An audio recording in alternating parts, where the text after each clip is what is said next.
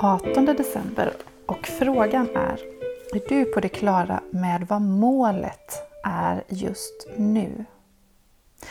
För att kunna arbeta lågaffektivt krävs det att man har koll på vad målet i en situation är. Och jag tror att det är här som många missförstånd kring lågaffektivt bemötande uppstår. Att vi har olika bilder av vad som är målet i en situation. Till exempel om vi har en svår situation framför oss där känslorna har eskalerat och personen har det vi kallar ett problemskapande beteende. Hen kanske hotar, svär, kastar saker med mera. Då blir man besviken när man läser om lågaffektivt bemötande om man tycker att målet i den situationen är att personen ska nå en insikt. Det här är fel. Lära sig någonting. Jag ska göra annorlunda nästa gång. Själv ta ansvar för situationen och be om ursäkt.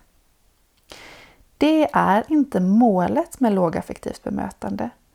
Och detta utifrån tanken att sådana beteenden, det är ett tecken på att personen befinner sig i en situation som är på god väg att överstiga hens förmågor. Hen är kraftigt upprörd och det finns risk att hen tappar kontrollen över sig själv. Målet blir att känslan ska deeskalera. Att personen får ett lugnare utgångsläge. Först då kan vi egentligen fundera vad som finns bakom den här händelsen.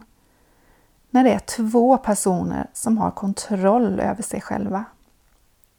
Målet med lågaffektivt bemötande det är ju att förebygga och avleda starka känslopåslag.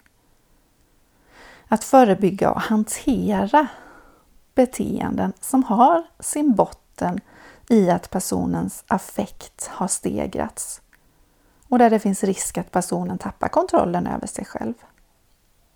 På sikt finns det också ett mål som handlar om att skapa en stressreducerande miljö där det blir lätt för personen att samarbeta och där mitt bemötande är en komponent i detta. Lågaffektivt bemötande bygger på några viktiga principer. Att jag utgår från att den andra gör så gott hen kan. Att jag justerar mig utifrån personens signaler.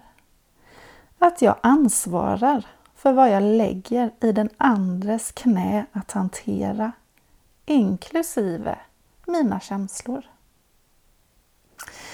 Det här är alltså ett bemötande med ett klart syfte att deeskalera starka känslor, att behålla ett lugnt och stabilt utgångsläge. Det är ingen behandlingsmetod. Det har inget inlärningssyfte. Det är ett autonomistödjande bemötande. En inlärningssituation till exempel kan däremot övergå till att bli en situation där ett lågaffektivt bemötande behövs. Och är känslopåslaget för högt så kan vi inte ha mer än ett mål. Att situationen deeskalerar.